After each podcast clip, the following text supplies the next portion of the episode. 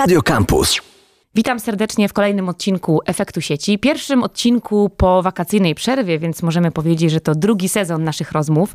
A moim i Państwa gościem jest dzisiaj dr Sebastian Szymański z Wydziału Artes Liberales i Centrum Badania Ryzyka Systemowego Uniwersytetu Warszawskiego. Dzień dobry, panie doktorze. Dzień dobry. Sebastian, jeśli możemy być po imieniu, zaczęłabym od takiego pytania, które e, przyszło mi do głowy. Wokół nas jest coraz więcej sprzętów, które są smart, które są inteligentne, które być może konkurują nawet z nami jako ludźmi na te rozmaite kompetencje. Mamy smart tostery, smart lodówki, smart telefony oczywiście w kieszeniach i ostatnio czytałam nawet o smart śmietnikach w Ciechanowie, które to śmietniki mają zachęcić ludzi do segregowania odpadów. E, śmietniki nie tylko otwierają się na kod QR, ale też wysyłają do centrum dowodzenia informacji, kiedy są wypełnione i trzeba je uzupełnić, e, znaczy opróżnić i zrobić miejsce. No i te śmietniki spowodowały, że 98% e, mieszkańców Ciechanowa, tego osiedla Płońska, zaczęło nagle segregować segregować śmieci.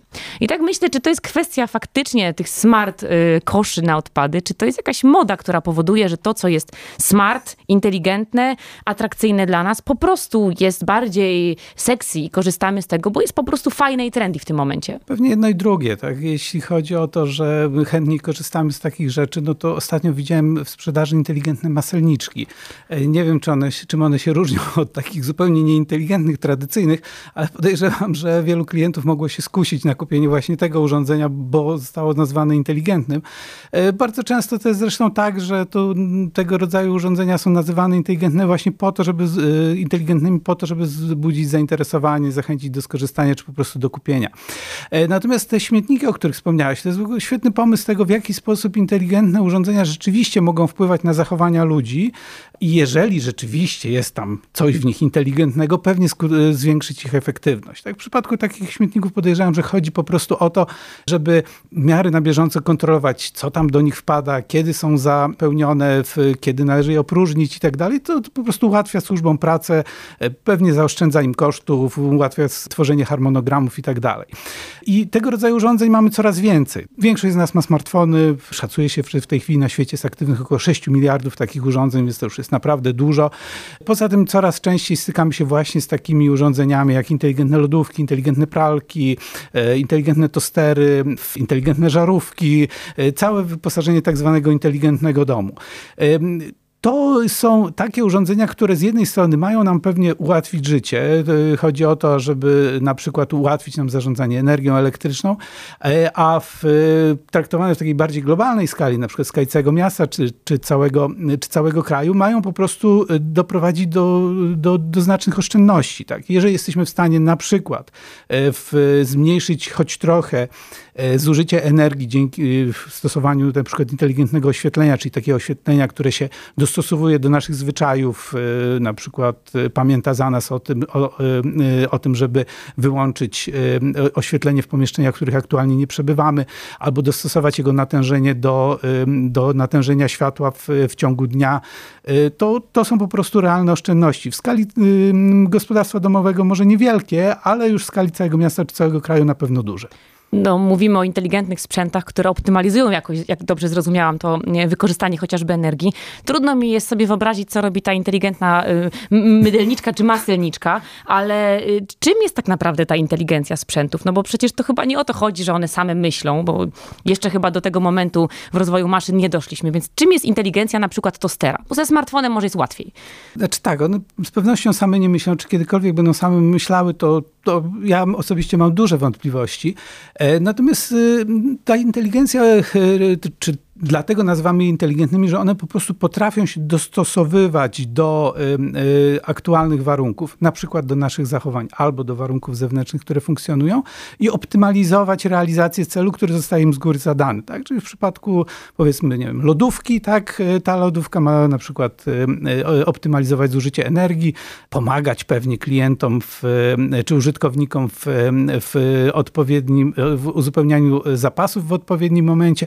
Przy okazji oczywiście oczywiście zbiera mnóstwo danych, tak? I e, tutaj jesteśmy na takim obszarze, w którym nie do końca wiadomo, co jest ważniejsze w funkcjonowaniu tych urządzeń. Czy te wszystkie ułatwienia, o których dotychczas mówiliśmy, czy to, że dzięki temu ich producenci, e, czy brokerzy danych, którzy, do których te dane bardzo często później trafiają, po prostu wiedzą o nas więcej. No właśnie, a co się dzieje z tymi danymi, które na przykład lodówka, może mniej lub bardziej inteligentna, gromadzi o nas wiedzę dotyczącą tego, na przykład zwyczajów e, żywieniowych naszych, albo zakupów, albo produktów, które kupujemy częściej. Mogą być to produkty, które na przykład nie przyczyniają się do naszego większego zdrowia. Co się potem dzieje z takimi danymi, które gromadzą u nas te wszystkie magiczne sprzęty w domach? A w pierwszej kolejności one trafiają do producentów. To, co nazywamy inteligentnymi urządzeniami, które mają stworzyć to środowisko inteligentnego domu, to są najczęściej urządzenia, które są podłączone do sieci internetowej e, i za pomocą tej sieci wysyłają e, e, tego rodzaju informacje do swoich producentów po to, żeby dzięki odpowiedniej, ich odpowiedniej liczbie móc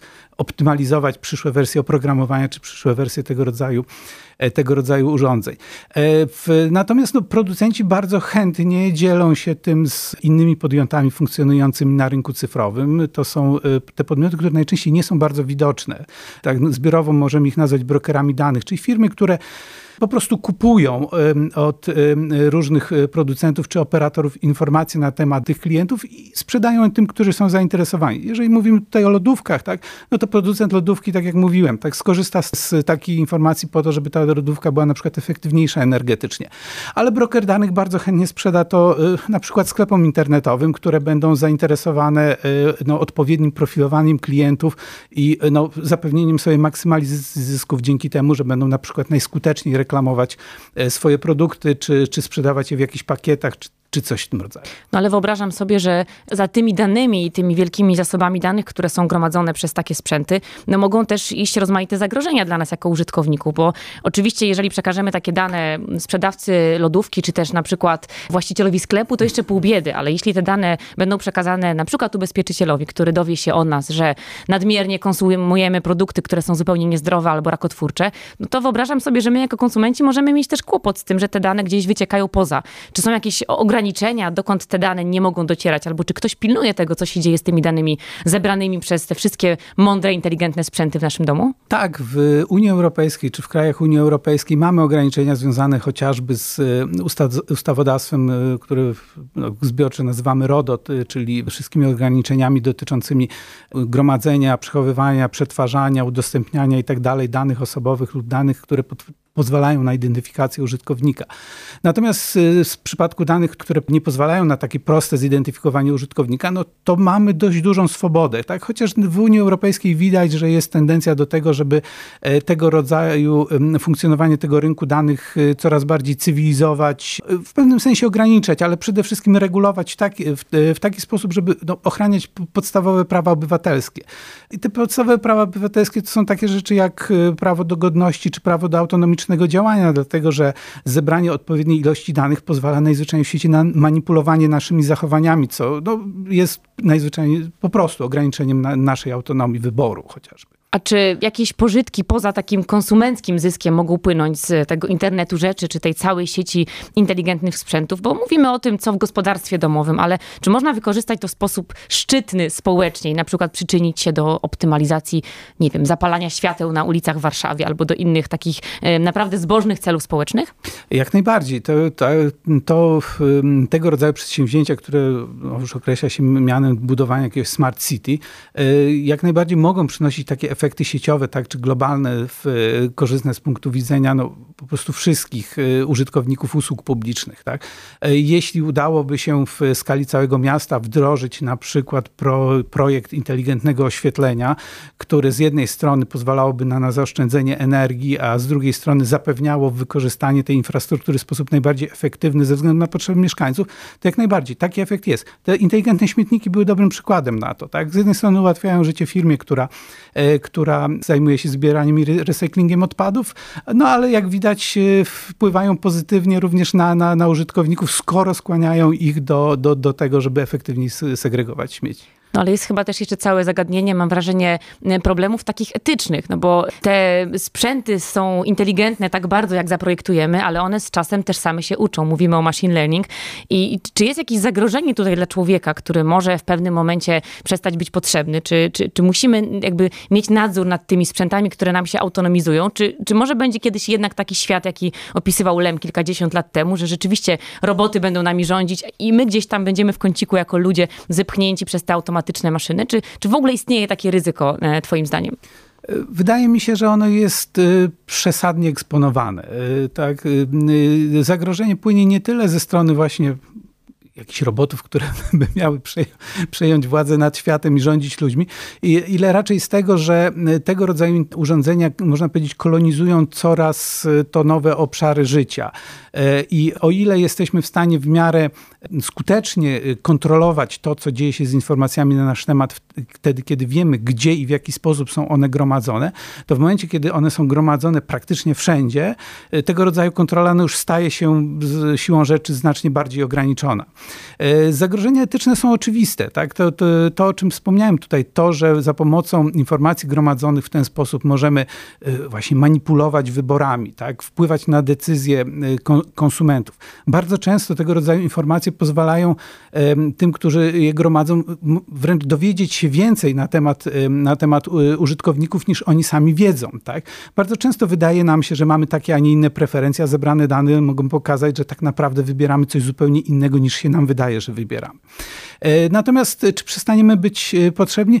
Wątpię, chociażby z tego prostego powodu, że ktoś będzie musiał generować te dane, a kto będzie to robił, jeżeli nie my. Czy jest jakaś granica uczenia się maszynowego? Czy dokądś maszyny mogą dojść, a później już spotkają ścianę? No, poza tym, że my musimy nad tym gdzieś tam czuwać, póki jeszcze możemy nad tym czuwać? Oczywiście, że tak. To znaczy, w, pamiętajmy, że to, kiedy mówimy o uczeniu maszynowym, to mówimy po prostu o programach, które, które mają w, porządkować czy selekcjonować dane, wyszukiwać w nich pewne wzorce. E, na przykład powiązanie pomiędzy e, jednym parametrem a drugim. Kiedy mówimy o naszych e, danych na temat naszych zachowań, na przykład mogą wyszukiwać korelacje pomiędzy różnymi, różnymi rodzajami zachowań. I to jest właściwie to, co w tej chwili tego rodzaju urządzenia robią. Tak? Nie robią one nic więcej. Tak? Uczenie maszynowe jest na tyle skuteczne, na ile dobre są dane, na których się opiera. Więc dlatego firmy czy, czy podmioty, które tego rozwiąza rodzaju rozwiązania stosują, szukają dojścia do właśnie jak największej liczby danych, jak najbardziej zróżnicowanych, informujących o jak największej liczbie obszarów z naszego życia. No to jeszcze mam mhm. pytanie trochę na, jakby na pograniczu mhm. rynku pracy, mhm. bo mówimy o technologiach, które gdzieś mogą być komplementarne i pasować nam i uzupełniać na, nas w różnych funkcjach. Natomiast jest też taka e, wizja i widmo tego, że ludzie będą wypierani przez takie właśnie inteligentne technologie i przestaniemy być potrzebni na rynku pracy.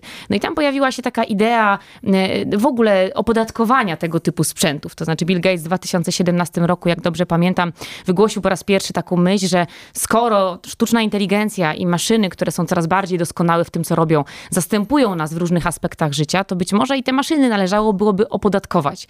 I czy uważasz, że w ogóle wkroczenie w traktowanie takich maszyn jako, jako humanoidalne e, gdzieś e, postaci, czy jako aktorów społecznych i opodatkowanie ich w związku z tym byłoby tą drogą, w którą powinniśmy jakby kierować nasze działania, czy raczej maszyny powinny zostawać tak jakby dodatkiem do naszej ludzkiej tutaj działalności. Tak naprawdę w tych pomysłach nie chodzi o opodatkowanie maszyn, tylko o opodatkowanie firm czy podmiotów, które z tych maszyn korzystają, czy czerpią z nich zyski. E, dlatego, że e, w, jeżeli mówimy o autonomii, y, autonomii urządzeń, to oczywiście mówimy o autonomii w innym sensie niż, y, niż w przypadku ludzi. To nie chodzi o to, że maszyny sobie na przykład wybierają sobie cel, do którego dążą. Tak?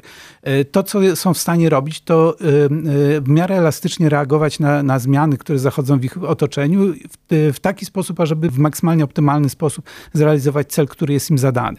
Natomiast problem, o którym wspomniałaś, czyli automatyzacji za pomocą takich urządzeń cyfrowych jest pewnie jednym z najbardziej newralgicznych czy najbardziej poważnych problemów związanych z rozwojem tej technologii. Dlatego, że efektem prawdopodobnie nie będzie wyparcie y, ludzi z rynku pracy, tylko taka zmiana kompetencji y, wymaganych od osób, które będą współpracowały z maszynami, że dostosowanie się ludzi będzie wymagało z jednej strony bardzo daleko posuniętej elastyczności w nabywania coraz to nowych kompetencji, y, czy zmieniania tych kompetencji w, w trakcie całego, całego cyklu pracy. Więc tutaj głównym problemem jest raczej to, że e, nie tyle miejsca pracy znikną, ile zniknie z ich część, pojawią się nowe, a te, które się pojawią, będą wymagały takich umiejętności, których w tej chwili nie, system edukacyjny po prostu nie pozwala zdobyć. Tak? To jest chyba największe wyzwanie, które w tej, tej, w tej chwili stoi e, przed e, ustawodawcami, czy w ogóle przed całymi społeczeństwami, jeśli chodzi o, o reakcję na tego rodzaju zmianę. Opodatkowanie pewnie będzie sukcesywnie wprowadzane. Znowuż Unia Europejska myśli bardzo poważnie nad y, opodatkowaniem różnego rodzaju inteligentnych technologii cyfrowych, również z tego względu, że one właśnie wpływają czy modyfikują rynek pracy. Te środki prawdopodobnie, y, czy powinny, jeśli można tak powiedzieć, trafić y, przede wszystkim właśnie na doskonalenie zmiany kompetencji tych, którzy, którzy tym zmianom podlegają. Chodzi tutaj również o, o to, ażeby podmioty, które te technologie rozwijają, stosują i wykorzystują, troszeczkę zmniejszyć ich siłę przetargową, tak? dlatego że rynki cyfrowe są bardzo specyficzne. Tak? To są takie rynki, na których nawet nie tyle zwycięzca bierze wszystko, tylko ten, który wchodzi pierwszy, bierze wszystko. Tak? Mówiąc krótko, firmy, które pierwsze wpadają na pomysł, ażeby y, zautomatyzować jakiś obszar, przede wszystkim w, w oparciu o, o, o gromadzone dane, bardzo szybko zostawiają w tyle konkurencję. I ci, którzy później chcieliby wejść w tego rodzaju sektor usług, mają naprawdę bardzo trudno. W opodatkowaniu chodzi również o to, ażeby zmniejszyć dysproporcje z jednej strony pomiędzy tymi, którzy świadczą usługi, a tymi, którzy z tych usług korzystają, czyli po prostu wszyscy tak, nami, Y, konsumentami, obywatelami, ale też pomiędzy firmami, które na, na, na takim rynku funkcjonują. To jeszcze na koniec może taki optymistyczny wątek. W jakich obszarach, jak sądzisz, ludzie nie będą zastępowalni i te sztuczne, e, automatyczne, inteligentne sprzęty nam nie grożą? Gdzie my jako ludzie możemy jeszcze czuć się bezpieczni, jeśli są jakieś bastiony, w których możemy czuć się bezpieczni? Tak, jest ich tak naprawdę całkiem dużo. Y, takiej automatyzacji z wykorzystaniem technologii cyfrowych, y, podobnie jak w przypadku każdej innej automatyzacji od czasów nie wiem, maszyny parowej e, czy, czy, e, czy taśmy produkcyjnej, e, najłatwiej poddają się takie, takie działania czy, czy takie zachowania, które są proste, w miarę ustandaryzowane, powtarzalne, wymagają w miarę wąskiego zakresu kompetencji w szczególności takich kompetencji, które jest w miarę łatwo przełożyć na sposób funkcjonowania maszyny. Tak? W związku z czym, jeżeli to są takie kompetencje, które wymagają na przykład szybkiego liczenia, to oczywiście maszyny będą zawsze lepsze w tym, w tym od nas. Tak? Jeżeli będą to kompetencje, które polegają na wyszukiwaniu informacji czy łączeniu informacji z różnych źródeł, znów maszyny będą w tym lepsze. Tak?